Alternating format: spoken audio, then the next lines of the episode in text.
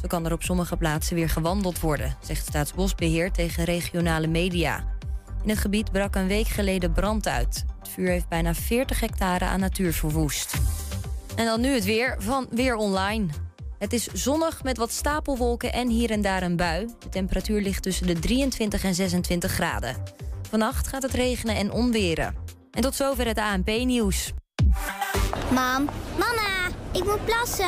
We zijn bijna bij Willemse Toiletten. Daar kun je veilig naar een schoon toilet en je handen wassen.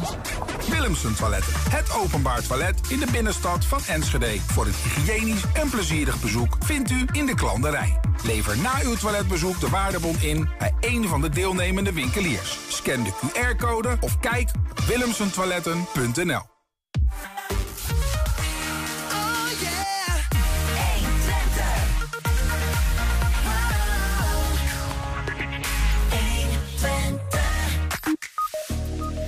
De Enschedese kunstenares Monique van Doorn heeft bijna al haar bezittingen de deur uitgedaan en reist de hele wereld over als moderne nomade. En als betaalmiddel gebruikt ze haar kunst. Ja, morgenavond sluit platenzaak-eigenaar Johan Dollekamp de lezingsserie Het vuur in mij af in de Hengeloze Bibliotheek. Met zijn levensverhaal, doorspekt met allerlei muzikale anekdotes. Tom Roering doet aan floorbal. Dat is bijzonder. Het is namelijk een van de snelste sporten ter wereld. Nog bijzonderder, Tom doet dat vanuit een rolstoel op hoog niveau.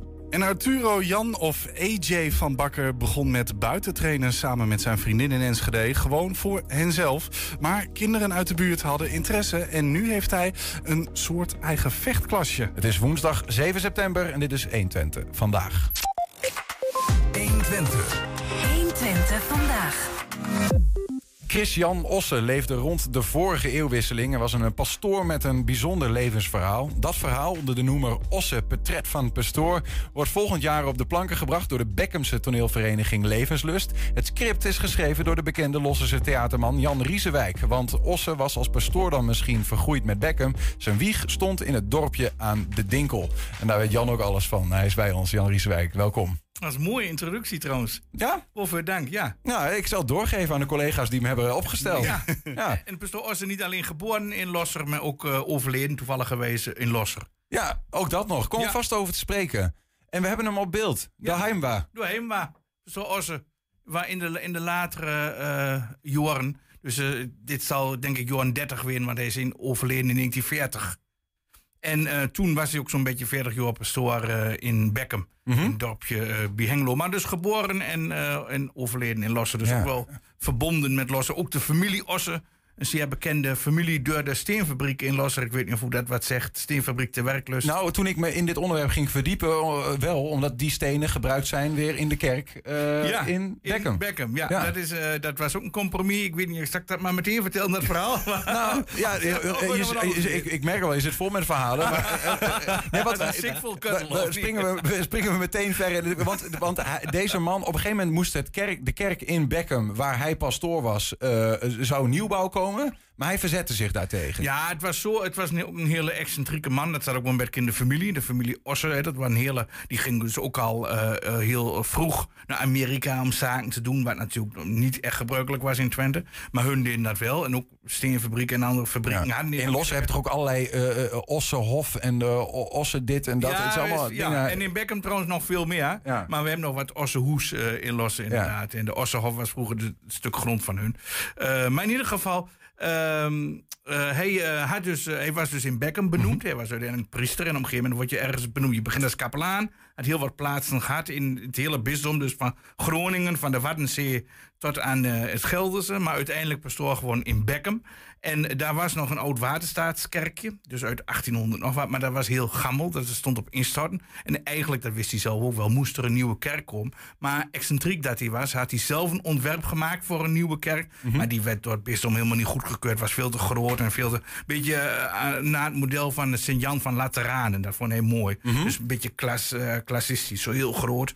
En dat was helemaal niet geschikt voor Beckham. Dus dat, dat, het bisdom keurde dat niet goed.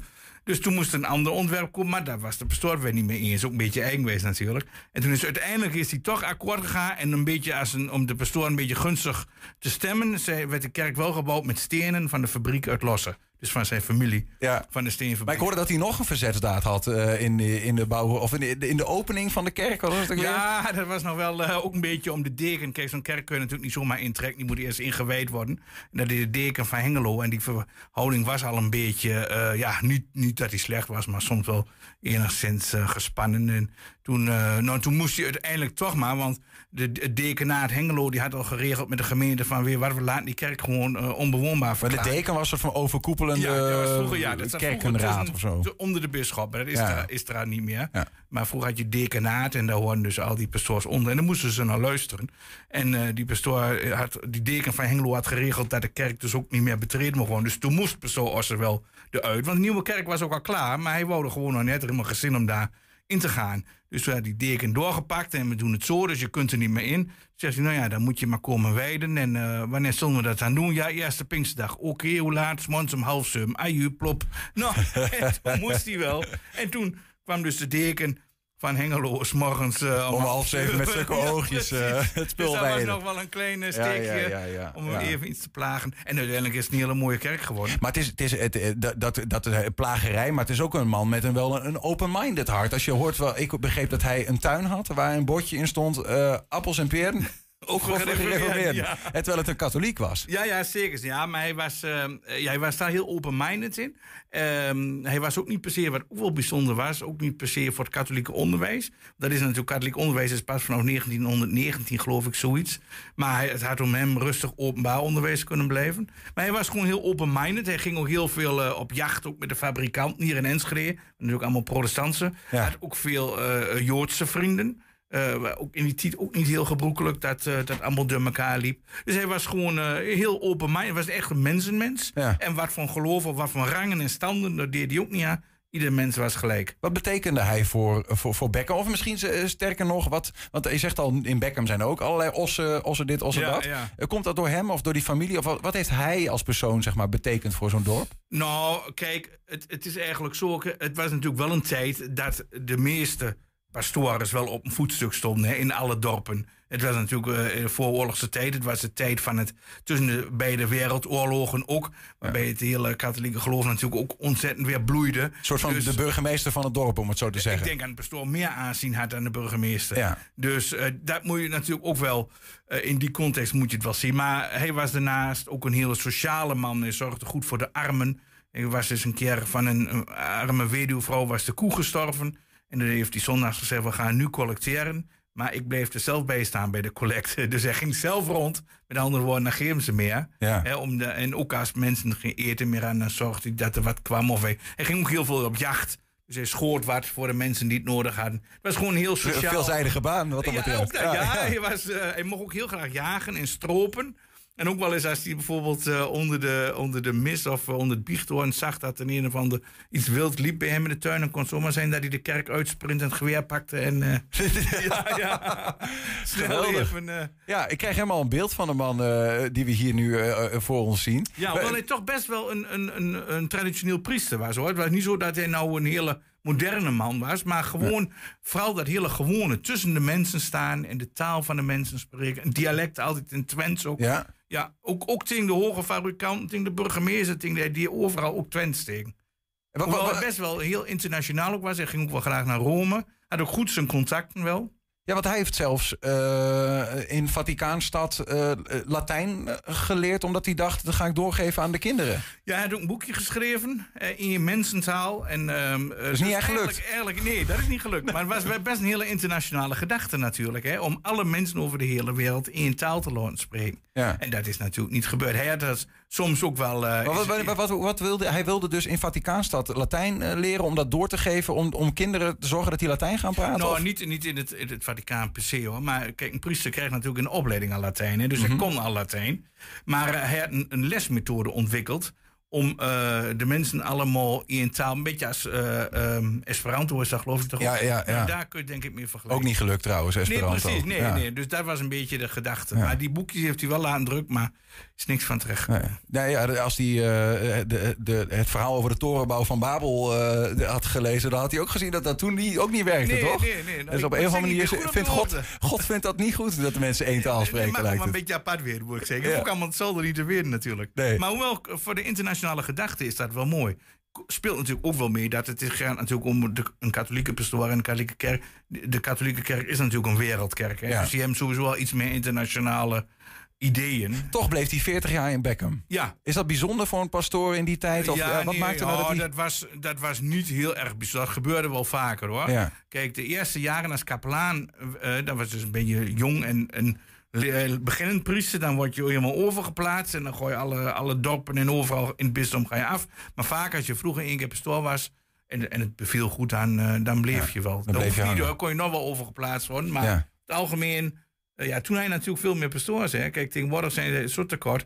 En je nou de pastoor van Enschede hebt, eh Paul Dagenvoort, ik weet niet of je hem toevallig kent. Nee. En die is ook van, van Losser eh, en van Haaksberg. En die van doet al alles. die Ja, ja. Maar vroeger had, had iedere... een heel andere plek gekregen, denk had, ik ook, eh, toch? Ja, ja, daar de pastoor en drie kapelaans er nog bij. Ehm, dan is er een moment, dan, dan komt de Beckhamse toneelvereniging, Levenslust Ja, heet het. ja. Die klopt bij jou aan. Ja, ja, zeggen, Jan, wij zijn 75 jaar Ja. en we willen een stuk hebben. En kun jij dat schrijven? Eh, wist je al dat het stuk toen over Ossen moest gaan? Eh, ja, ja. Eh, toevallig, ik, ik kende... ehm, ja, weet wat is? Ik, ik doe natuurlijk in theater zelf ook wel eens iets. En wie doet ook wel eens openluchtstukken en, en links en rechts wel. En we hebben op de Hulsbeek bijvoorbeeld een mooi stuk. Dan heb ik wat van hoe. En door waren wat Beckhamse spullers die deuren door aan met spullen. Zo kom je een beetje met elkaar in contact. En eh, toen vroegen ze van, nou, wie wilt gerne een jubileumstuk? Over pastoor Osse, dat is een, een bekende eh, priester bij ons eh, geweest. En Ja. wil hij dat niet schrijven? Dan wil het toeval natuurlijk dat ik ook goed lossen kom. Net als pastoor Osse zelf. Eh, en zeker onder de iets oudere generatie, dus ook nog wel boven mij, zeg maar de, de 60, 70-plussers, die kent die hele familie Ossen nog wel. En zoals mijn vader, die vertelde ook altijd over pastoor Ossen. Dus je, dat, kende, je kende hem al wel uit de overlevering. Zeker. En ik heb ook een boekje waar ik ook heel veel oed heb gehaald. Dat had mijn vader ooit eens gekregen van Sinterklaas. Of, of, of Sinterklaas, hè. Dus eh, ja, dat, dat, jawel, dat speelde zeker wel. Ja. En dat, dat Ossehoes is ook nog wat bekend. En nu moet ik zeggen, ik hou van historie. Dus eh, ik ben losser ook bij de, bij de Belgerieders en Daanses. En ik, en ik eh, historische kring wel lid van. Dus je bent wel, ik, ik ben wel eh, door met verbonden. Je hoeft En er niet lang over- katholieke geloof. Ja, nee, precies. Ja, Ja. Je hebt nogal wat raakvlakken. Ja, je kende de verhalen al een beetje. eh, Ja, of, of, ja, een beetje. maar ja, heb je, of- want ja. je hebt je er goed in. Als ik je zo hoor, dan lopen gewoon leeg. En je weet het hele levensverhaal van de man te ja. beschrijven. Heb je je dat nog weer heel veel eigen gemaakt dan de afgelopen tijd? Nou, het is, kijk, het, eh, hij was natuurlijk pastoor, wat ik al zei, in het rijke Roomse leven. En door eh, heb ik altijd daar heel veel over gelezen. En ook op de wel mijn, mijn eindexamen geschiedenisprojecten oh, daarover geschreven. Dus ik wist er al wel aardig wat van. Komt nog feit dat hij uit Losse komt. Ik ken de les, historie goed. Ja. De steenfabriek kom ik heel veel. Ieder jaar een grote kerstexpositie Ja. door. Dus alles viel een beetje samen. Je hoeft er niet lang over na te denken toen Nee, levenslust het aan je vroeg. Nee, precies. En toen kwam de, nou ja, ik durfde haast niet te zeggen, maar het geluk, nou ja, dat mag ik niet zeggen, maar dat de corona, dat de lockdown kwam, dat er voor de rest helemaal niks meer was. Dus ik had ja, tijd genoeg om dat te doen.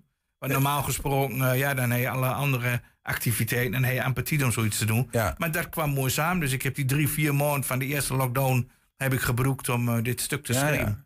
Terwijl je toch in de, je werkt ook in de zorg, eh, Ja. Jan. Ja. Ja. je zou toch zeggen, dat, we, we- we begrepen toen, hè, de mensen worden overspoeld in de, in de zorg. Ja, dat, dat is ook wel zo. Dus voor ons ook wel een moeilijke tijd. was helemaal op laatst aan week werd hier pas eh, kort bier op het Klaasgaardeplein. Mhm. Hadden we nog een corona-uitbraak, dus hebben wij nog een lockdown gehad. Terwijl toen we in Nederland afgelopen maart al een beetje weer... Kort geleden Oh, nog. ging- Ja, kort geleden nog. ja. Eh, nou ja, maar ik ben ook wel heel eerlijk. Ik werk altijd s'nachts. En s'nachts heb ik ook wel eens een keer tijd om eens, iets in te lezen... of paar dingen op papier te zetten. Ja. Dus eh, zo met elkaar eh, heb ik dat stuk gemaakt. En ik Hoe- doe je dat dan? Ja. ja, sorry? Nou, ga, ga verder, want je vertelt zo mooi. Nou, nou dank u. Ik, eh, ik moet zeggen, ik vind, ehm, het is ook wel iets, een stuk waar je nu nog kunt doen. Het gaat over een pastoor, het gaat over de kerk, het gaat over een dorpsgemeenschap in die periode dat de kerk nog het middelpunt was. Mhm. Er is nu nog een groep mensen, eh, zeg maar de, de 60-plussers, die, hem dat kenden? nog weet. Ja. Nou, wie hem kende, dat wordt natuurlijk al minder, Ja, want hij overleed ja. natuurlijk in 1940. hè? Dus hij had echt de 80-plussers die toen kind waren. Dus dat is uit de vraag. Maar ehm, het is natuurlijk wel een, iets, een onderwerp, dat, dat hoef je denk ik over tien jaar niet meer te doen, dit stuk niet. Was dat ook de reden dat Levenslust voor hun 75-jarig jubileum, toch een heel mooi eh, jubileumfeest, dat ze per se het stuk over Ossen wilden maken? Ik denk dat dat zeker met haar speelt. Ja. Ze willen natuurlijk iets eigens, iets, iets Beckhams. Eh, en, en ik zeg al, het is een stukje historie waar je nu nog kunt brengen. Over 10, 15 jaar is er niemand wie dat nog weet wat biechten is of wat een kapelaan was. Of... Hoe, komt er zo'n stuk dan tot stand? Want je, je schrijft wel vaker uh, wat. Ik weet niet of je zo'n soort stuk al een nee, keer nee, hebt gemaakt. Maar kan ik nog nooit eerder maken. Nee. Je, hoe, hoe doe je dat dan? Schrijf je een stukje, gaan ze dat spelen? Uh, komen ze dan weer bij je terug? Of, of, of, of schrijf je gewoon het hele stuk en dan zeg ja. je van red hoe met? Eerlijk waar. Ja, en uh, je overlegt natuurlijk waar eerst hoe ze het hem wilt. Ja. En uh, ze wilt dan geen op drie locaties. Dus je gaat, het gaat ook de Beckham hè. En onder andere op schoolplein en ook in de het kerk. Het publiek uh, loopt ook mee? Ja, loopt ook met. Oh ja. Dus, en wie eindigt in de kerk? En wat ook nog een, een, een bizar toeval is... dat de kerk ook per 1 januari aan de eredienst onttrokken wordt. Dus dan gaat de kerk, wie als er toen nog Biers West daar kwam... die gaat dus nu voort. Dus okay. het gebouw niet, maar ja. als... als wordt niet meer als kerk gebruikt. Nee, wordt, nee, wordt aan de eredienst onttrokken.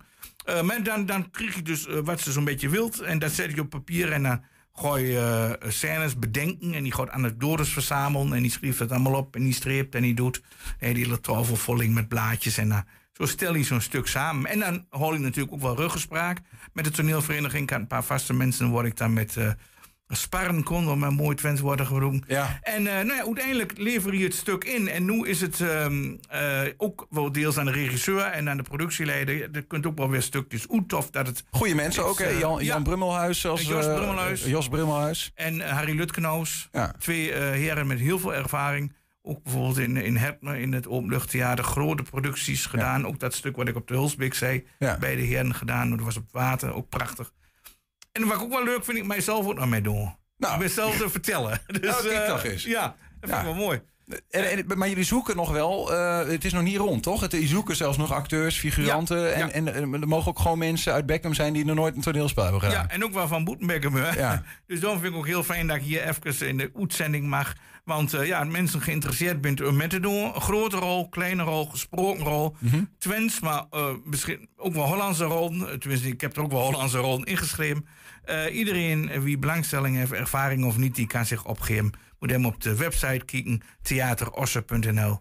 En doorstarten. Het zit heel goed in wanneer het is. Het is de eerste twee weekend van oktober. Ja, 1 en 9 oktober. Kijk. In het Parochiehuis.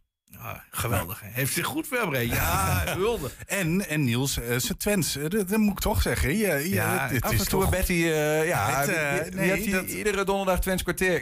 We leren nog wel wat bij. Oh, heel goed. Ja, heel goed. Ik ben aardig trots op je, Niels. dank je. Nou, als dat ooit heel trots wordt, dan ben ik al helemaal glimmend. Jan Rieswijk, dankjewel dat je er was. En nou ja, heel veel plezier, plezier. Uh, Dank weer, dat gaat zeker lukken. Ik heb er in ieder geval zin aan om ook te beginnen en om te zien wat wordt. Maar ik denk dat het een bijzonder stuk wordt. Kijk wat wordt. Heel goed. Enschede Tom Roering doet aan floorball. Bijzonder, dat is namelijk een van de snelste sporten ter wereld. En nog bijzonderder, Tom doet het vanuit een rolstoel. Straks meer daarover. En zo ook als podcast te luisteren. Je vindt ons op alle bekende platforms. Zoek even naar 120 Vandaag. Of uh, iedere dag één item uitgelicht vind je in 120 Vandaag uitgelicht. 120. 120 Vandaag. Dus ze noemt zichzelf een moderne nomade. De Enschedeze kunstenares Monique van Doorn heeft bijna al haar bezittingen de deur uitgedaan. En reisde de hele wereld over. Om te overleven gebruikte ze haar kunst als betaalmiddel. En ze houdt exposities. Deze dagen is ze voor even terug in Twente.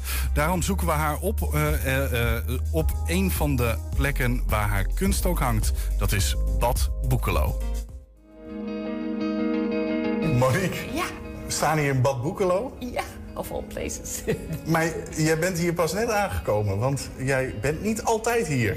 Ja, ik ben uh, wat ze noemen, of wat, wat ik zelf heb uh, uh, genoemd, een moderne nomade. Dat betekent dat ik ervoor heb gekozen om geen vaste woon- en verblijfplaats te hebben. we hebben in 2012 hebben we alles verkocht. Huis, inboedel, ik heb geen theelepeltje, ik heb geen handdoek meer. En dat hebben we heel bewust gedaan. Omdat de kids uit huis gingen tegelijk. En we, ik wou niet in zo'n leeg huis rondlopen. Ja. En ik had ook zoiets van, we willen wat anders doen met ons leven. Dus het roer moest om. En dat was het begin van ons normale bestaan. Hoe lang doe je, leef jij al zo op deze manier? Uh, vanaf 2012. En had, heeft dat ook een reden gehad? Ja, in 2009 heb ik borstkanker gekregen. En uh, dat was een vrij agressieve vorm. Dus ik moest daarvoor uh, chemo, bestralingen, operaties en vier jaar hormoontherapie. En toen ik genezen was, Toen hadden we zoiets van, het roer moet om. Het moet echt anders. Toen zeiden we van, we gaan reizen, maar er moet eigenlijk nog wel gewerkt worden. Dat geldt voor mijn man, maar dat geldt ook voor mij. En uh, wij kunnen dat heel goed combineren. Mijn man werkt uh, voor zichzelf en ik ben kunstenaar. Er, hang, er hangt hier een aantal? Dit zijn uh, potlood en um, stift- en houtskooltekeningen. En ingelegd met bladgoud. Ik heb hier in twee lijnen gecombineerd. Dat is de horny art. En dat ja. spreekt natuurlijk wel een beetje voor zich, want dat zijn de horens. Alleen het is een uh, woordgrapje. Ja. Zodat de mensen het uh, niet snel zullen vergeten. En uh, die honingaard, als ik die verkoop, dan gaat 10% gaat naar goed doel. En dat zijn de Black Mamba's. En die, ehm, dat zijn hele stoere vrouwen die, uh, ja? die bewaken zeg maar, uh, de uh, bedreigde diersoorten. Aan de rand van het Krugerpark zijn ze actief. En daarnaast heb ik nog een, een lijn. En dat zijn de beestjes die je in de natuur tegenkomt. Wat je misschien heel vanzelfsprekend vindt. Maar dat is het ook niet meer. Plus al die beestjes die ik heb getekend... hebben ook een spirituele betekenis. Dus als bijvoorbeeld een vlinder in je leven komt... dan is het misschien een boodschap van een overlevende overledene, sorry. En die zegt van, uh, het gaat goed, uh, ja. ik ben bij je, ik bescherm je. En zo wil ik een, uh, een, een kunstwerk maken met een extra betekenis. Ben je een beetje spiritueel? Ik denk het wel. Ik heb bijvoorbeeld ook in Azië gewoond en in Taiwan. En daar heb ik traditionele Chinese geneeskunde gestudeerd. Ik denk wel dat er iets meer is tussen hemel en aarde. En ja. daar vind ik, dat vind ik wel heel erg interessant. Dit is totaal anders, maar wel uh, uh, iets wat jij ook hebt gemaakt... en wat hier in Bad Boekeloma staan. Ja, dit is uh, eigenlijk waar, ik mee, waar, het allemaal mee begonnen is. Toen ik in 2009 boskanker kreeg, toen zei een vriendin van mij van... God, er is een, een, tekenles met houtskool. wil je daar eens niet voor de gein mee naartoe? Dan, dan even de aandacht afleiden. Mm -hmm. En dit is echt de eerste keer dat ik ook maar iets deed op het gebied van tekenen. Um, ik wist niet eens dat ik het kon. En daar was ik zo intensief mee bezig dat ik helemaal vergat dat ik eigenlijk ziek was. Dat ik een, een behandelingen moest ondergaan. Want dat was voor mij eigenlijk therapie. Ja. Het, het, tekenen. Dit is een van mijn werken. Dit is uh, de buffel. Ja. En uh, ja, de tekst die eronder staat past ook heel erg uh, bij mij. En dat is Grab Life by the Horns. Ja. Is dat ook een motto voor je geworden? Yes. Ja. ja. Nadat je zo'n diagnose hebt gehad... Ja. heb je wel zoiets van... Uh, ja, je waardeert het leven veel meer dan daarvoor. Kleine dingen zijn belangrijk geworden. En um, ja, dat uh, reizen zoals wij nu doen, dat geeft ons heel veel voldoening. En daarin uh, staat eigenlijk deze slogan. Grab ja. life by the horns. Hoe, hoe zorg jij ervoor dat ze zo overal ter wereld kunnen hangen? Ja, ik heb sinds kort heb ik een soort ruilhandel uh, afgesproken. Een ruilhandel? Ja, ja, ja. Dan, als ik ergens ben, en uh, vaak zijn dat plekken waar ik heel graag ben... dan uh, probeer ik daar mijn werk te exposeren. En dan is de, de, de afspraak, als ze wat verkopen... dan mag ik zeg maar voor dat bedrag ja. daar logeren. Of als het bij een restaurant is, dan mag ik daar eten. Een soort bonnetje heb je dan ja, voor jezelf, dat je af kan vinken. Ja, ja, ja. Hoezo ben je weer naar Twente gekomen, joh? Mijn moeder leeft nog en ja. zij woont in Enschede en zij is uh, 80. Vorig jaar is mijn vader overleden en ja, dus ze is alleen. Mijn moeder kan niet meer naar mij toe komen. Mm -hmm. Dus dan uh, kom ik, zo vaak als het kan, kom ik deze kant op. En uh, dit gebied, ja, dat geeft toch altijd wel een stukje rust en ja, een goed gevoel. Jij hebt hier kunst hangen. Ja. Vind je dit nog mooier dan dat het in Miami of in Kaapstad of zo hangt? Omdat dit echt jouw thuis ook is? Ja, vind ik wel. Het past hier heel goed. Tussen het groen en, en de rust hier vind ik dat het wel een toegevoegde waarde heeft. En ja, het is iets van mij. Ja. Ik ben hier geboren. Het is jouw stad, en, jouw en, kunst. Ja. En, uh... Monique is Enschede. Ja, ik ben toch wel een tukker.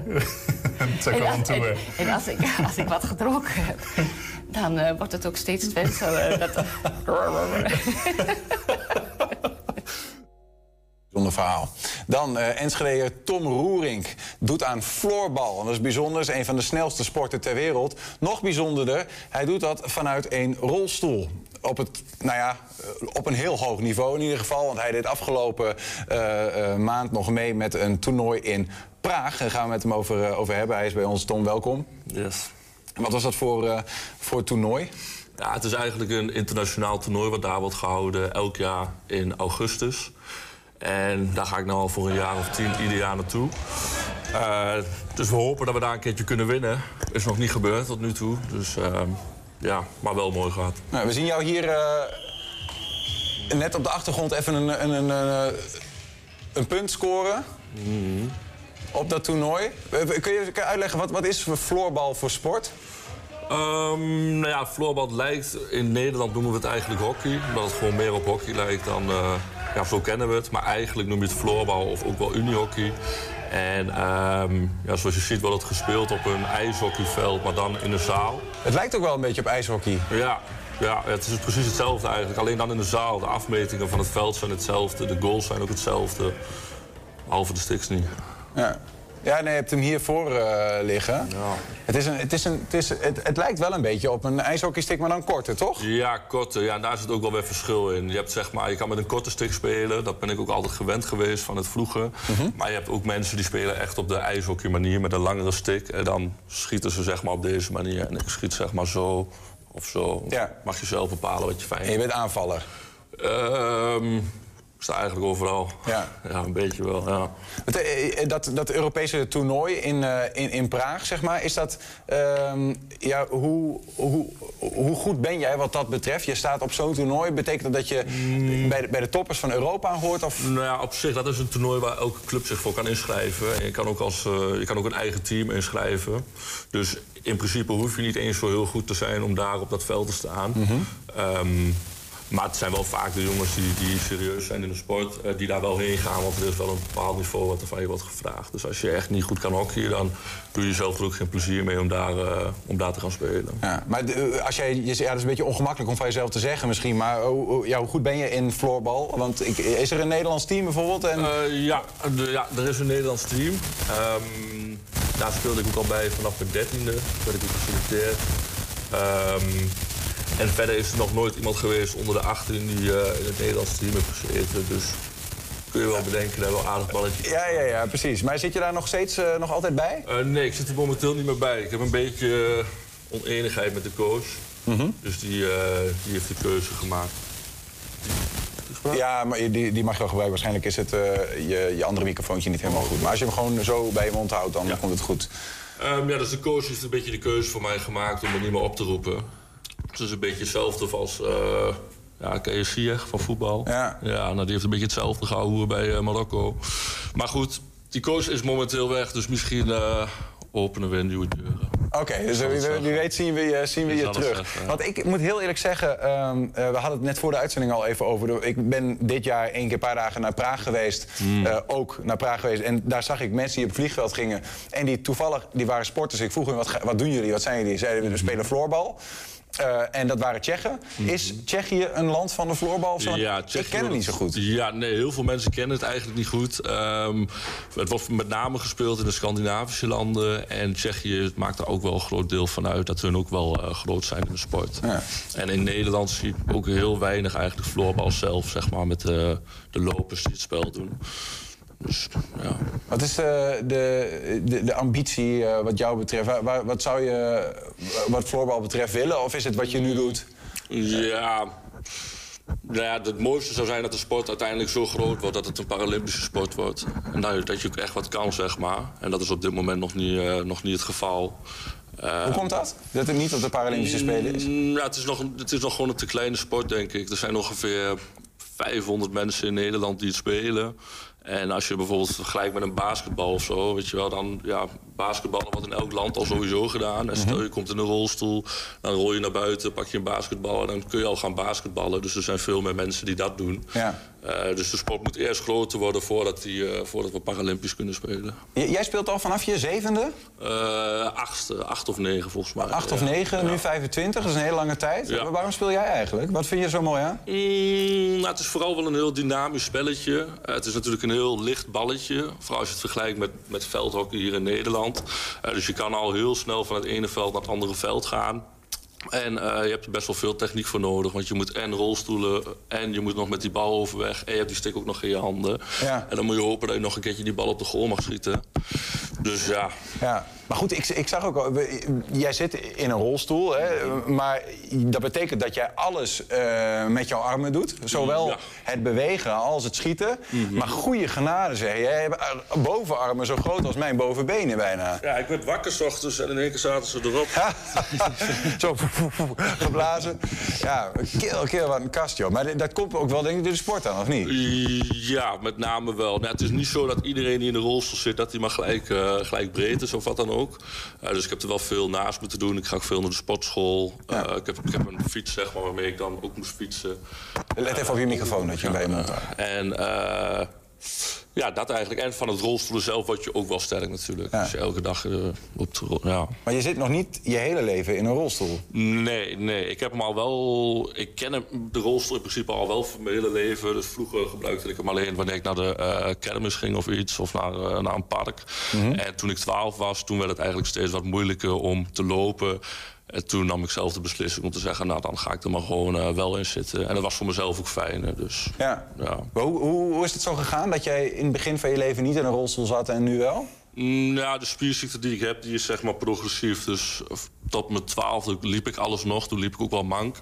Eh, maar toen kon ik nog wel een beetje lopen. En toen liep ik alles.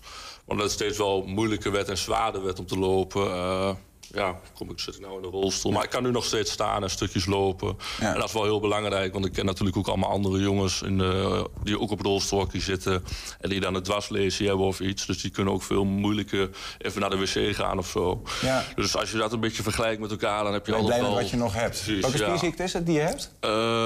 HSP. Dus HSP. Ja, er zijn ook wel allemaal allerlei vormen van. Ja. Want, eh, dat vroeg me dan af. Je, je, je speelt, wat je zegt, met andere jongens die ook in een rolstoel eh, zitten. Die zullen allemaal hun eigen reden hebben waarom ze daarin eh, zijn beland. Ja. Maar wat doet dat met een teamgeest als je zeg maar, in die zin ben je lotgenoten van elkaar? Ja, ja, je komt natuurlijk op een plek waar je allemaal een beetje hetzelfde bent. En normaal kom je als rolstoelen overal waar je komt... je een beetje aangekeken, omdat je toch een beetje anders bent. Ja. Dus je hebt in die zin wel heel veel raakvlakken met elkaar. En dat is wel, dat is wel fijn. Ja. Maar het, ja, misschien is dat moeilijk te vergelijken, maar, maar betekent dat ook echt iets voor, voor een team? Voor een, voor, eh, dat je, dat je toch al meer een groep bent, alleen al omdat je samen allemaal diezelfde ro- rolstoel deelt, zeg maar? Mm, ja, weet ik eigenlijk niet heel goed. Er zijn ook heel veel spelers die het spelletje ook doen.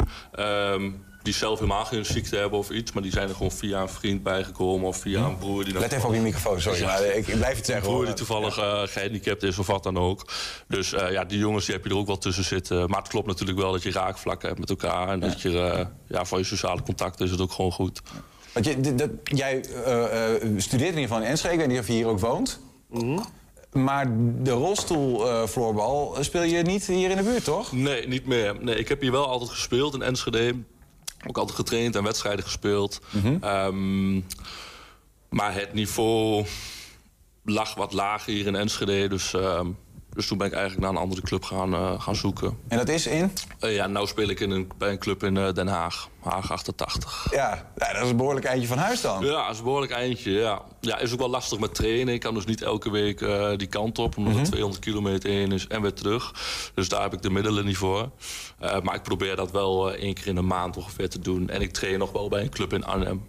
Ja, ja. Dus je traint in Arnhem en je zit eigenlijk bij een club in Den Haag. Ja. Je komt uit Enschede. Ja, ja, ja. Een behoorlijke globetrot. Je speelt ook in Praag. Ja, precies. Ja, ja. Ja, jongen. En, en ehm, eh, als jij denkt van, nee, die sport in Enschede die mag wel wat groter, zeg maar. In die zin, nee, je, zou, je had misschien graag hier willen spelen. Mhm. Maar maak je daar ook op een manier nog hard voor om, er- om er nog wat eh, reuring aan te geven dat er wat meer Mm. mensen rolstoelfloorbal gaan doen? Ja, ik zou niet zelf niet goed weten op welke manier ik dat zelf zou kunnen doen. Eh, maar ja, gewoon clinics geven en dat soort dingen, dat zou wel goed zijn voor de sport. Dat het gewoon steeds bekender en bekender wordt. Ehm, ja. Ja, 500 mensen in Nederland, dat mag wel wat meer worden. Dat mag wel wat meer, ja, ja zeker. Ja. zeker. Wat is je volgende, je, je, je volgende uitdaging eh, die voor de deur staat? Ehm, nou, ik ben afgelopen jaar geswitcht van club. En ik speelde bij een club in, eh in Soetermeer, bij Doing. En eh, ik ben nou zeg maar naar een andere club gegaan. En wij twee, wij twee staan zeg maar bovenaan. En de laatste wedstrijd van het seizoen spelen we ook tegen elkaar. Ja. Dus het mooiste zou zijn dat we die winnen. En dan, eh, dan zijn we landskampioen. Wanneer is dat? Eh, twee, nee, 13 november. 13 november. Juist. Dan moet het kroon op het werk Dan komen. moet het gebeuren, ja. Tom Roering, dankjewel dat je er was en dat je ons even wilde uitleggen over de wonderenwereld van rolstoelfloorbal. Yes, fijn dat ik er was. Ja, the first rule about Fight Club is you don't talk about Fight Club. Ja, dat zei Brad Pitt ooit in de gelijknamige film Fight Club. Ja, we gaan het echter toch doen. Arturo Jan of AJ van Bakker uit Enschede heeft namelijk zijn eigen klasje in Wesselenbrink. 120. 120 vandaag. Ja, Johan Dollekamp is al ruim 40 jaar de bevlogen eigenaar van de Hengeloze platenzaak Popeye. Hij uh, won de nodige prijzen met zijn winkeltje in de Drienerstraat, maar blijft altijd met beide benen op de grond staan. Morgenavond sluit hij de lezingenserie Het Vuur in Mij in de Hengeloze Biep af met zijn levensverhaal, doorspekt met muzikale anekdotes. En Johan is aan de lijn. Johan, goedemiddag. Ja, goedemiddag. Je woont in Hengelo, maar was te druk om even langs te komen bij ons in de studio in Enschede? Uh, ja, dat klopt, want ik, uh, ik, ik, ben net ook terug van vakantie gisteren. En uh, ja, dan, dan zit je woensdag toch met een week achterstand met je werk qua bestellingen. Je moest twee grote doos ophalen met platen en cd's. Die moeten allemaal ingewerkt worden, moeten gestickerd worden. De klanten moeten allemaal bericht hebben dat binnen is. Dus ik was eigenlijk, ben nu de hele dag al, al bezig. Ik ben nu platenbon aan het maken ja. voor Café de Cactus. En, uh, dus ik, ik ben heel druk op dit moment. Ja, voor uh, mensen die denken leuk, een lezing over muziek uh, door de one and only Johan Dollekamp. De bijeenkomst is volledig uitverkocht? Ja, is, is inderdaad uitverkocht. En het wordt, uh, het, ja, het, um, het, is eigenlijk, het heet het vuur in mij of iets dergelijks. Het gaat meer over de drive die je hebt als winkel, als, als persoon met, met muziek. En dat ga ik een beetje opvrolijken zeg maar, met, met muziek natuurlijk. Want we zeggen altijd let the music do the talking. Ja. Maar het is ook vanaf mijn jeugd in Diepenheim tot nu... Uh, komen er allemaal jaartallen voorbij. En daaraan verbonden muziek. En daardoor probeer ik de mensen uit te leggen waarom ik ja, nu zelfs nog na zoveel jaar nog steeds uh, de drive heb om, en, om dit te doen. En wat voor muziek moeten we dan een beetje aan denken? Is dat uh, de jaren 70, 80 hits of echt van alles en nog wat? Mm, nou, hits, dat, dat is, het zal het niet zijn. Want wij doen verder in de winkel doe ik ook niks met hits. Geen uh, Nederlandstalig of uh, Freek en Suzanne en dat allemaal prima. Nee, mogen mensen maar dat is prima. Ik wil niet elitair doen, maar dat is niet aan ons besteed. Maar Suzanne en Freek is het. Ja, nee, maar... oh, oh, ja. doe nog zelfs nog verkeerd om. Okay. Ze zijn nog niet al elkaar zoals Nick en Simon. Nee, dat klopt. Simon en Nick. Simon en Nick, nee, maar ja. goed. nee, maar dat ook wel een beetje, dat hoor ik dan wel. Maar nee, nee met muziek, ja kijk, uh, we zijn wel een beetje geënt. En zeker ik zelf met mijn smaak zit ik wel een beetje vastgeroest in de 70s. Maar het wordt uh, Allman Brothers Band, het wordt uh, Springsteen, komt een nummer voorbij. De onbekende artiest, maar heel geweldige Daniel Norgren. Die gaat het afsluiten. Dat is een Noorse muzikant. Mm -hmm. uh, er komt van alles voorbij wat dus betrekking heeft op, het, op dat jaartal in mijn leven. Hey, hoe zit dat eigenlijk, Johan? Als je, je, bent een, je hebt een platenzaak, dus jij, bent, mm -hmm. jij verkoopt platen. maar ja. je, je zult in het, inderdaad in sommige muziekstijlen iets meer kunnen vinden dan in andere, neem ik aan. Hoe verkoop je dan muziek die, waarvan je zelf denkt... Mwah, ja, nou ja, dat, dat, dat is denk ik de drive die je hebt. En dat is het enthousiasme. Kijk, ik zie ook in elke plaat die, die bij mij, zeg maar, de, de, ja, ik noem het de chicken skin music. Je weet het zelf ook wel, denk ik. Op een gegeven moment gaan die haren achterover staan in je nek of op de armen. En dan weet je gewoon, dat is raak. Hm. En als ik dat gevoel heb, en dan probeer ik daar ook... Uh, ja, probeer ik daar ook wat mee te doen in de winkel. En dan prefereer ik nog vaak onbekende artiesten. Om, om welke reden? Nou, om, omdat onbekende artiesten, die hoor je niet op de radio. En dat zijn vaak fantastische muzikanten. En, en, en ja, dat wordt, wordt me vaak wel in dank afgenomen door de muzikanten zelf. Die, die dan ook hier naartoe komen, naar Nederland voor een optreden. En, en dan, uh, ja, dan, dan spreek ik ze soms bij een concert. En, en ja, die mensen waarderen dat. Kijk, voor mij ligt de uitdaging meer in het... Uh, ja, noem het maar de niche of zo, of hoe je het maar wilt noemen. Maar daar ligt meer de uitdaging voor ja. mij uh, dan in de grote namen. Kijk, dat hoor je overal al en dat kun je overal kopen. Zijn het ook mensen uit de regio? Of ook uh, voornamelijk mensen van, van ver weg? Die muzikanten bedoel je? Ja? Nou, regio. Ik heb op dit moment, uh, waar ik erg gecharmeerd van ben, is de groep uh, Voltage. Dat is een, een, zeg maar een soort southern rock, country rock groep. En dat is gewoon een hele fijne band. En die, die, die promote ik dan op mijn Facebook.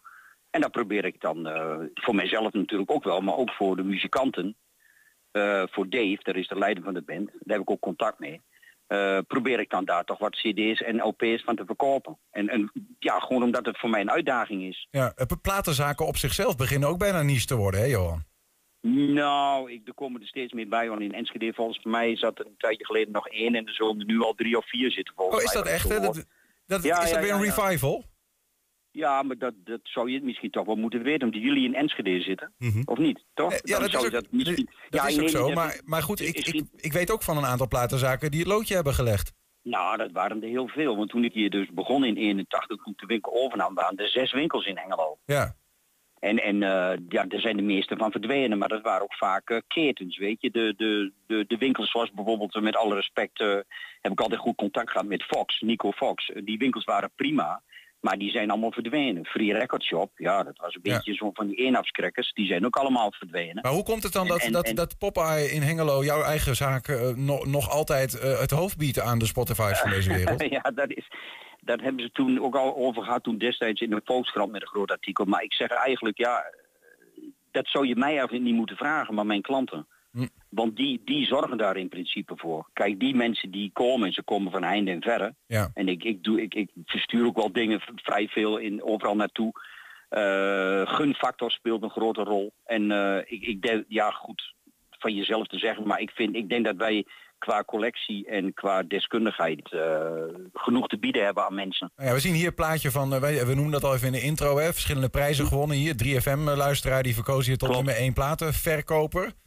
Ja, klopt, 3FM was dat, ja, met, met de VPRO, uh, klopt. Dat, was, dat, was, dat ging over de, ja, dat is al lang geleden, maar goed, dat ging over de, de man achter de toonbank. Het icoon achter de toonbank. Ja. Nou, en, en de, die verkiezing hebben we toen gewonnen. En toen kwam er nog een keer een verkiezing van de platenzaak. Dat hebben we toen nog gewonnen. Mm ja, binnen, binnen. Ik zie dit helemaal niet als een strijd. Maar goed, dat, dat, hebben we gewonnen. En daarna mochten we niet meer meedoen. Want toen was het mooi geweest. En toen ja. zeiden, ga jij maar in de gallery staan. Uh, of fame, want het moet wel leuk blijven. Nee, maar dat, dat, dat, op een gegeven moment denk ik van... er zijn genoeg andere goede collega's. Ja. Maar uh, wat mij Atze de Vries vertelde van de VPRO... Het gaat ook om de binding die je met je klanten hebt. Weet je?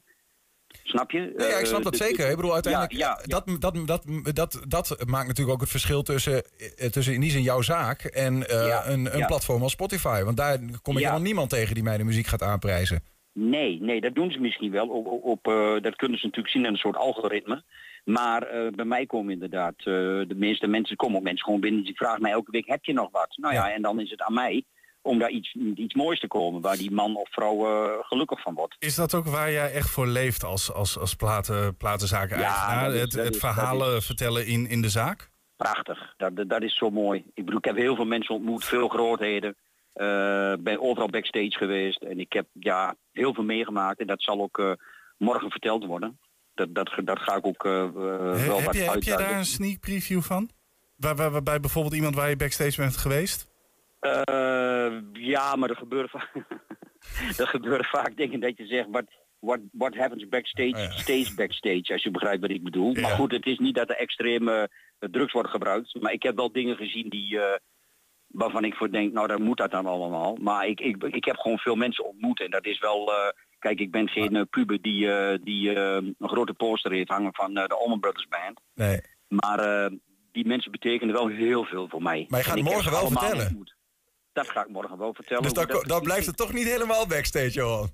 Nee, dat klopt. Nee, maar daar ga ik wel wat van vertellen. Ik ja. heb op het podium wel mooie dingen meegemaakt met, uh, met de Allman Brothers Band. Ja. Uh, um, ja, ik, ga daar nu, ik zal het nu niet vertellen, nee, maar dan wordt nee. het te lang verhaal. Nee, oké, okay, maar goed. Je, aan de telefoon. Je, je hebt, uh, je, de titel van de avond is uh, uh, dat Let the Music Do the Talking, hè, wat ook op jouw ja. gevel staat. Ik heb klopt, zelfs overwogen hè, om in deze thema van spreken te blijven, dat je hebt gedacht, ik doe gewoon één uur, draai ik gewoon muziek. Let the Music Do the Talking. Nou, precies. Dat, dat, dat was ook elke mijn insteek op een gegeven moment. Dat ik denk, dit is het misschien wat ik moet doen. De ultieme let the music do the talking. Maar ja. dat werd toch niet uh, door de organisatie verder in dank afgenomen, denk ik.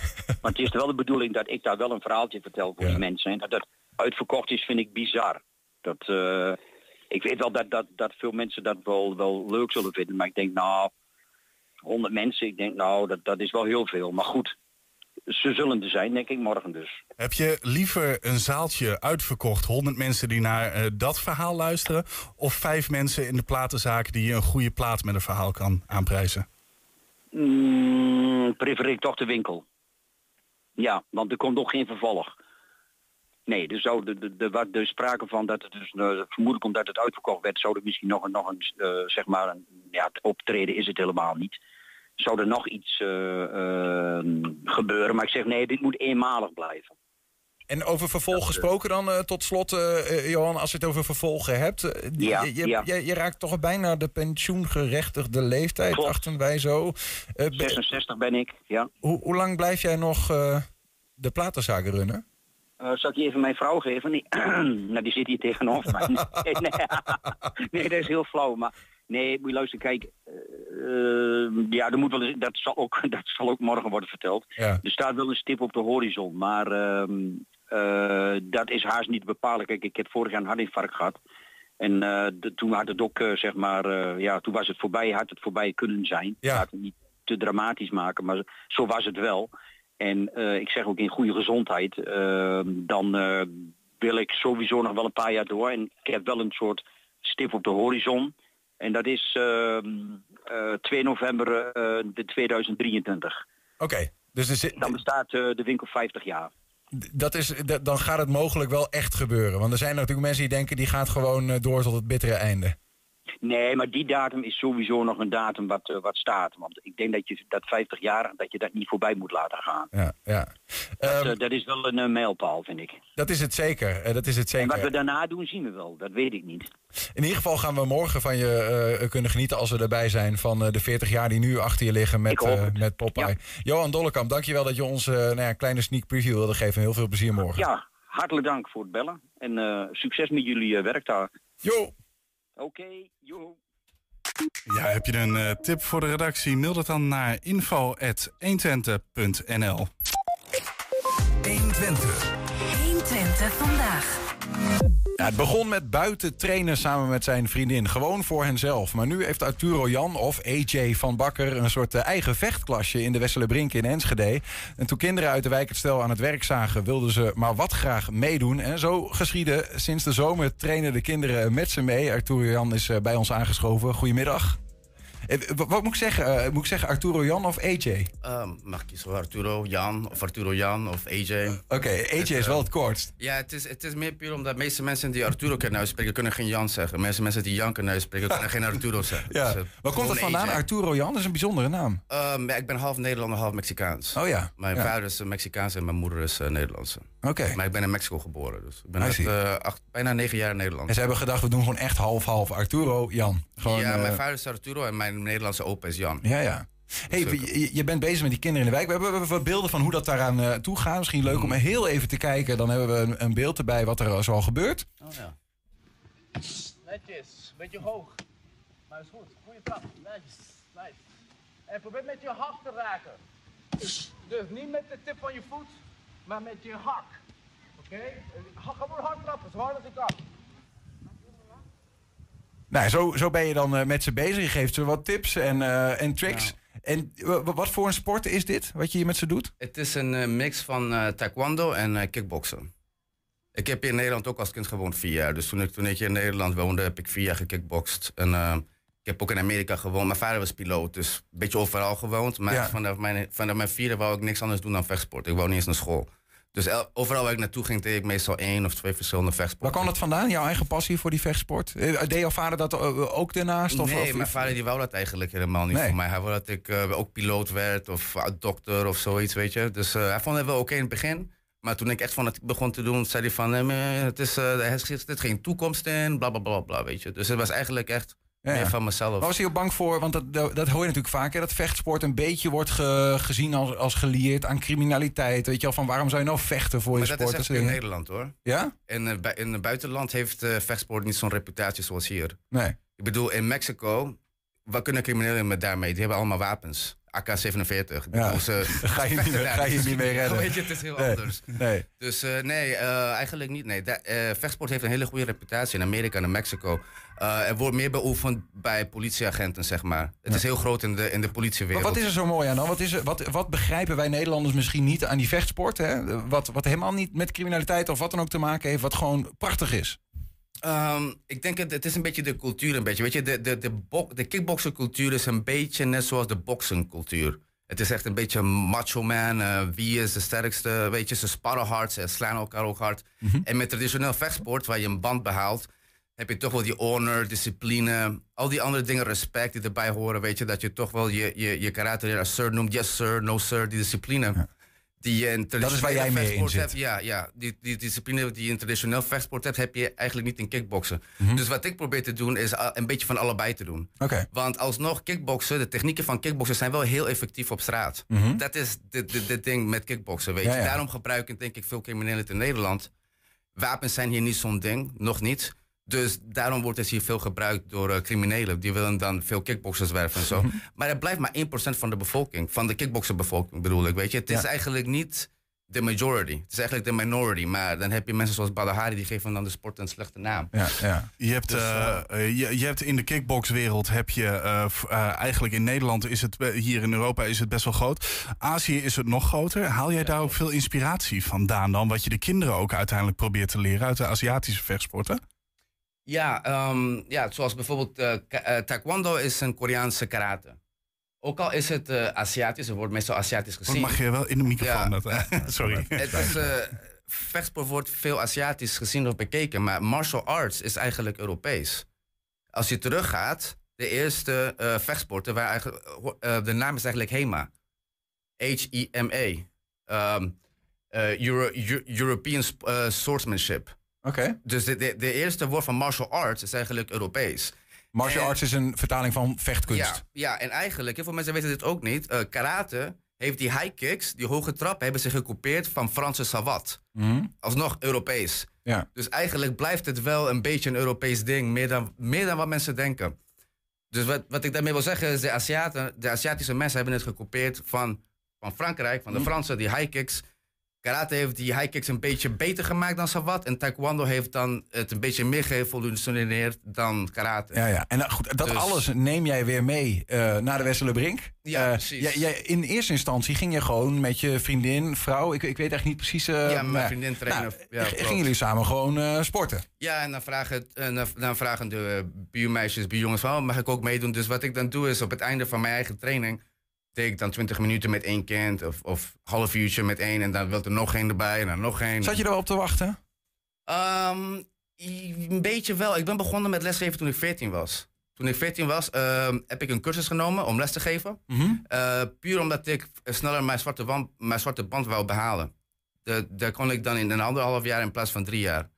Dus zo ben ik begonnen met, met lesgeven en ik vond het hartstikke leuk en ik bleef het gewoon doen. Ja. Ik heb in Mexico mijn eigen dojo gehad, bijna twee jaar lang. Eh, Je- hier heb ik je ook eigen? mijn eigen dojo, ja. De- eh, dat is een soort gym waar je gaat ja, vechten, ik heb dojo. mijn eigen vechtsportschool binnen in een privéschool, zeg maar. In, Ja. eh, in Acapulco, Mexico. En tegelijkertijd deed ik ook eh, beveiliging bij de deuren. Dat doe ik ook al vanaf mijn twintigste. Ja, nou ja, daar, daar Ehm, komen we zo nog op. Want je schrijft iets interessants op jouw YouTube-profiel Ja, daarover. ja, maar daar- ja. kom ik nog even op. Want jij, jij, nou ja, om maar even een kleine eh, cliffhanger te maken. Jij, hebt, jij bent beveiliger geweest bij de, eh, in de gevaarlijkste stad van, van Mexico. Van de wereld. In Van de wereld zelfs. Nou ja, ik ben benieuwd op wat je daar dan tegenkomt. Maar terug naar de Westerlebrink. Eh, Die, die kinderen die meedoen, waarom doen ze dat eigenlijk? Weet je dat? Ja, ehm, veel van die dingen wat ik doe, zie je, op tv, zie je alleen in films. Dus wat je mij gaat zien doen, ga je niet in een, in een kickboxschool zien. Zoals die jump kicks. eh, dat- dat je ziet dat, dat, dat ik ze sweep. Dat ik op, op de vloer ga, dan doe ik een sweep. En dan doe ik een draaitrap. Maar die kan ik ook met een springende draaitrap doen. Dus ze, ze zien me wel ehm, dingen doen die ze alleen op tv zien. Dus Ja. natuurlijk hebben ze daar heel veel belang bij. Van, oh, kan, kan ik dat ook leren? Dus ja, en, en ik vind het gewoon leuk. Ik doe het ook gewoon vrijwillig. Weet je, ik krijg er niet voor betaald op het moment. En eh, een paar eh, eh, zakenmensen, zoals de eigenaars van La Riviera, die zeiden tegen mij van, hé, Peter Arts is weg. Weet je dat wel? Ze van, oh ja, ik had wel wat gehoord. Maar eh, ja, die, die dojo moeten we kopen voor jou. Hij wil, ze wil die dojo van Peter Arts voor mij kopen. Oh ja? Dus, dat is, dus ik heb wel mensen die willen investeren, zeg maar. Omdat ze zien dat, ik, dat, dat het echt mijn ding is. Dat ik echt veel passie heb. En ja, die, die jongetjes in de buurt, die, ik word steeds bekender in de buurt bij de jongetjes. Hoeveel zijn het, hè? Die, die, want zien ook meiden meedoen. Hoeveel ja, zijn het? Ook, ook meiden, ook, ook, ook een paar ouders doen ook mee soms. Ja, iedereen is, begint een beetje mee te doen. Dus eh, ja. Hoe groot is het groepje? Doe je het iedere week? Hoor? is nu- ze zijn totaal ongeveer 15 nu. En dat doe je 15, bijna ieder, iedere 20. week op een vast moment? Of is het gewoon van als AJ er is, dan doen we mee. En als je er niet bent, dan is het niet? Of, Eh, ze zien me naar buiten komen en ze zijn allemaal, allemaal buren van, van, van die brink. En een paar van, de- van de brink ernaast, dus ze zien mij naar komen ze. Ja, ja, ja, ja. Eh, vooral in de, in, in de zomer had ik wel een, dat ik in de ochtend trainde. Dat, ja, dat, nu school, dus nu kan dat niet. Maar dat kwam, eh, het was meer in de ochtend, middag. Ja. Nu weer met de school. Nu vragen ze me na school van, hey AJ, kan jij? Ja, soms kan ik wel, soms kan ik niet, want ik werk ook. Dus, jij, eh, jij zegt al, jij en je, en je vriendin, jullie halen er eh, gewoon voldoening uit, plezier uit, doen het ook gratis. Prima, Mm. hartstikke leuk. Die kinderen, wat halen die er eigenlijk uit? Weet je dat? Nou, ehm, twee van die kinderen die meedoen, ze hebben zware autisme. Een andere kind die, is, die komt uit Rusland, die spreekt na- nauwelijks Nederlands. Dus die, die, die, die bijvoorbeeld, die, ehm, die gaan nu meer om met die andere kinderen in de, in de brink. Dus ik zie wel dat ze meer met elkaar omgaan. Al die kinderen die nu bij mij les nemen, die waren vroeger geen vriendjes, zeg maar. Niet allemaal. Nu gaan ze allemaal met elkaar om. Ehm, ik merk ook wel dat die autistische kinderen, die luisteren toch wel een beetje meer, nu naar, een beetje meer naar de moeder. Want de moeder zegt dan, als je niet luistert, ga ik AJ vertellen. Of als je niet luistert, dan moet je tien keer opdrukken. Heeft dat met dat respect te maken waar je het ja, al over had? respect, de, de, de discipline. Bijvoorbeeld, vorige keer waren een paar kinderen laat. Ik had al afgesproken, dus ze moesten eh 30 keer opdrukken. Dus ik geef ze wel een kleine straf, maar het is een sportstraf. Maar die discipline blijft daar wel, weet je. De, de, in veel scholen zeggen ze van, nou, je mag niet meedoen, eh, je bent laat. Dat Mhm. heb ik heel vaak gehoord in kickboxscholen. Geen excuses, kom maar volgende keer. Ja. Maar ik geef ze gewoon een kleine straf. En eh, ja, de volgende keer dan proberen ze toch wel op tijd te komen. Ja. Mooi. En eh, ja, en ehm, er is nog een andere jongetje die, eh, die heeft wat meegemaakt vroeger. ehm, wat, eh, ja, kan ik eigenlijk niet over hebben. Maar hij, was, eh, hij wou niet naar buiten. En hij had vroeger gekickboxd twee jaar. Hij begon ook mee te doen. Nu heeft hij allemaal vriendjes in de brink. En hij is nieuw in de brink. Ja. Dus nu gaat hij weer naar buiten. Dus ja, ik merk wel veel positiviteit in de kinderen. Maar Herken je iets van jezelf in hen of andersom? Of, of helemaal niet? Zeg maar, zeg maar Mm. eh, hebben die, die kinderen zijn natuurlijk ook al als kind bezig. Jij Ja, zei ja. ook, als kind ging ik, begon ik. Mijn Ja, ja, vader zeker, wilde het eigenlijk zeker. niet. Ehm, eh, zie, zie je iets van jezelf in hen Ja, terug? en, s- en sommige van hen wel. Die, die, die kinderen die echt de passie daarvoor hebben, wel. Ja. Er zijn wel twee erbij die, die, waar ik mezelf wel in zie, zeg maar. Ja, Ja. zeker. Die andere kinderen die, die vinden het leuk en, eh, en die, die, die zijn nieuwsgierig. Maar toch als een jongen talent heeft en ook passie, je merkt het gelijk. Want, want die willen elke keer sneller stoten of sneller trappen. En dan merk je ook in, in, in hun ogen als ze het echt willen. En die andere kinderen die vinden het misschien alleen leuk. Die, die lachen en die doen het meer voor de lol. Ja. Dus ja, die verschil is er altijd. De minderheid is bijna altijd wel die, eh, die, die wel de passie en het talent hebben. Maar eh, ja, in elke groepje zit er minstens één. Van elke 15 of 20 heb je minstens één of twee die echt wel goed talent hebben, weet je. Ja, Die echt wel wat kunnen bereiken als ze blijven doen. Ja, nou ja, de- Ja. nog meer reden voor, om, om je eigen dojo misschien wel te krijgen hier in Enschede. Zodat ze ook echt eh, nou ja, structureel ergens terecht kunnen, wie weet. Mhm. Ehm, even wat je net al aanstipte. eh, je hebt over de wereld eh, op verschillende plekken gewoond. Mhm. Vader als piloot, maar in ieder geval uiteindelijk in Mexico eh, zelf ook gewoond op oudere leeftijd. Eh, en daar Mhm. in, nou ja, in de gevaarlijkste eh, stad van Mexico en de gevaarlijkste stad ter wereld als uitsmijter gewerkt. Mhm. Ja. Ehm, wat kom je dan tegen? Heb je- hoe blij was je dan dat je die vechtsport zo goed beheerste soms? Ehm, ja, ik ben eigenlijk begonnen met deurwerk door, door, door de vechtsport. Ik, deed- ik, heb, ik heb een MMA-wedstrijd gedraaid in, eh, in Acapulco. Dat was de tweede die ze ooit hebben gehad. En daarna eh, werd mij gevraagd of ik bij een deur wou staan, omdat het spring break kwam. Mhm. En ze hadden iemand nodig die eh, goed Engels kon. En die toch ook wel kon, eh, kon handelen, zeg maar. Ik had het nooit eerder gedaan. Maar ik had altijd de nieuwsgierigheid daarvoor gehad. Zeg maar, van, vanwege films zoals Roadhouse, zeg maar. Ik weet niet of je die hebt gezien met Patrick Mhm. Swayze. Hij speelt een uitsmijter. Jij hebt hem wel gezien. Ja, zoals, die film was ik helemaal gek over. Dus jij dacht, toen ik- dat Dus gelijk dacht ik van, ah, Patrick Swayze, weet je. Het is heel anders natuurlijk. De werk is heel anders dan wat je in de films ziet. Maar, maar ja, zo is het begonnen. In die tijd was het nog niet de gevaarlijkste stad van de wereld. Hmm. Eh, dan ben ik nog even naar eh, LA geweest een paar jaar. Toen kwam ik weer terug in 2006. En eh, mijn leraar, met, met wie ik trainde vanaf een hele kleine leeftijd... hij werd vermoord door de drugskartels in 2006. En ehm, ja, dat heeft toch iedereen wel een beetje geraakt in die stad. Want hij, is, zeg maar, de, hij was de vader van eh, karate en taekwondo in Acapulco. Hij was ook eh, eh, opleider van de politiekorps. Hij was, hij was ook instructeur bij de politie. Dat is wat Ja. ik net over had. Dat eigenlijk martial art wel een goede naam heeft Mhm. in andere landen, zeg Ja, maar. ja. Ehm, en ja, en ehm, ja, daarna ehm, hoorde ik van veel mensen dat al die mensen die in de wereldje naar de clubs gingen, wat dan ook. Dus die nieuwsgierigheid kwam toch wel terug om. Ik wil toch naar de clubs, ik wil toch misschien meer weten van wat er gebeurd is, echt gebeurd is. Met, uh, met de dood van, mijn, van, van, van mijn leraar. Hij was samen met de, met de chef van de staatspolitie. En nog vier andere agenten. Ze werden, uh, ze werden how do you call it, ambushed. Omsingeld, ja, ja hinderlaag. Door de, door de, mensen van El Chapo eigenlijk. Dus nu ja. weten we wel wie het was. Ja. Uh, maar ja, uh, daardoor wou ik eigenlijk meer naar de clubs. En ben, ben, ben ik, ik, ik. heb mezelf ook in een serie van Misschien geef ik even wel link straks. Ik heb mezelf gespeeld in een goede tijden, slechte tijden serie zeg maar, van Mexico. In een van die clubs waar ik werkte. Oh ja? Waar ik echt werkte. Ja, ik heb en, een, jij, een, een, gevecht zien met, uh, met de main actor. Ja, maar jij, jij, ging dus bij die, bij die, bij die clubs om, omdat je uh, dacht van ja, misschien kom ik er dan achter uh, door de mensen die daar komen, die ik spreek, van wat, wat is er nou met, die, met je leraar gebeurd? Dat, dat, dat was één ding. de adrenaline, ik ga niet liegen. Ik hou van die adrenaline, ik hou van die spanning. Ja. Ik ben puur ook weggegaan omdat ik was net getrouwd. Ik had een baby. En ik werd ook bedreigd. Als ik dat allemaal niet had, uh, als, als dat allemaal niet zo was, had, was ik misschien wel gebleven. Ja. Maar weet je, als het onveilig wordt, gaat die. Uh, gaat private security gaat wel uh, meer ja, maar je, de maand. En dan want je schrijft, je schrijft op je kanaal echt over shootings breakdowns. Dat klinkt alsof je echt wel in gevaarlijke situaties hebt gezeten daar. Ja, ja zeker. Um, in de, e-, een van de clubs was ik hoofdbeveiliger, uh, El Alebrige. Daar had ik 50 portiers onder mij en uh, vijf bewapende ex-militairen.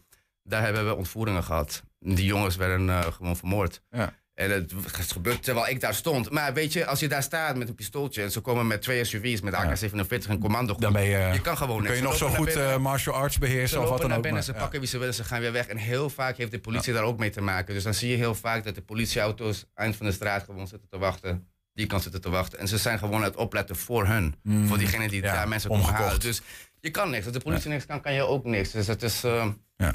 Zo is die wereldje een beetje daar. Het is gewoon heel anders dan Nederland. Dat, dat YouTube-kanaal waar ik even naar refereerde, ja. want dat heb je ook. Daar hou je, maak je ook wat, wat video's hier en daar. Wat, wat is dat te zien? Uh, ja, dat dus. Ik maak verhalen van mijn werk vroeger. Verhalen van Acapulco, Mexico. Uh, wat mijn subscribers mij vragen. Uh, ook tutorials over vechtsport. Dus ik geef ook gewoon les op mijn kanaal voor andere instructeurs, voor uh, mensen die ook nieuwsgierig zijn over Nederlands kickboksen. Maar hier in Nederland weten heel veel mensen dit niet. Maar Nederlands kickboksen is nummer één in de wereld. Hè? We zijn gewoon de top. Ja, ja, met Rico Verhoeven wordt het iets wat bekender. Sam ja, Schild, Peter Aarts. Het is al jarenlang zo. Ja. Uh, uh, alle legendes komen uit Nederland. Dat, dat weet jij wel. Waarschijnlijk goed. Ja.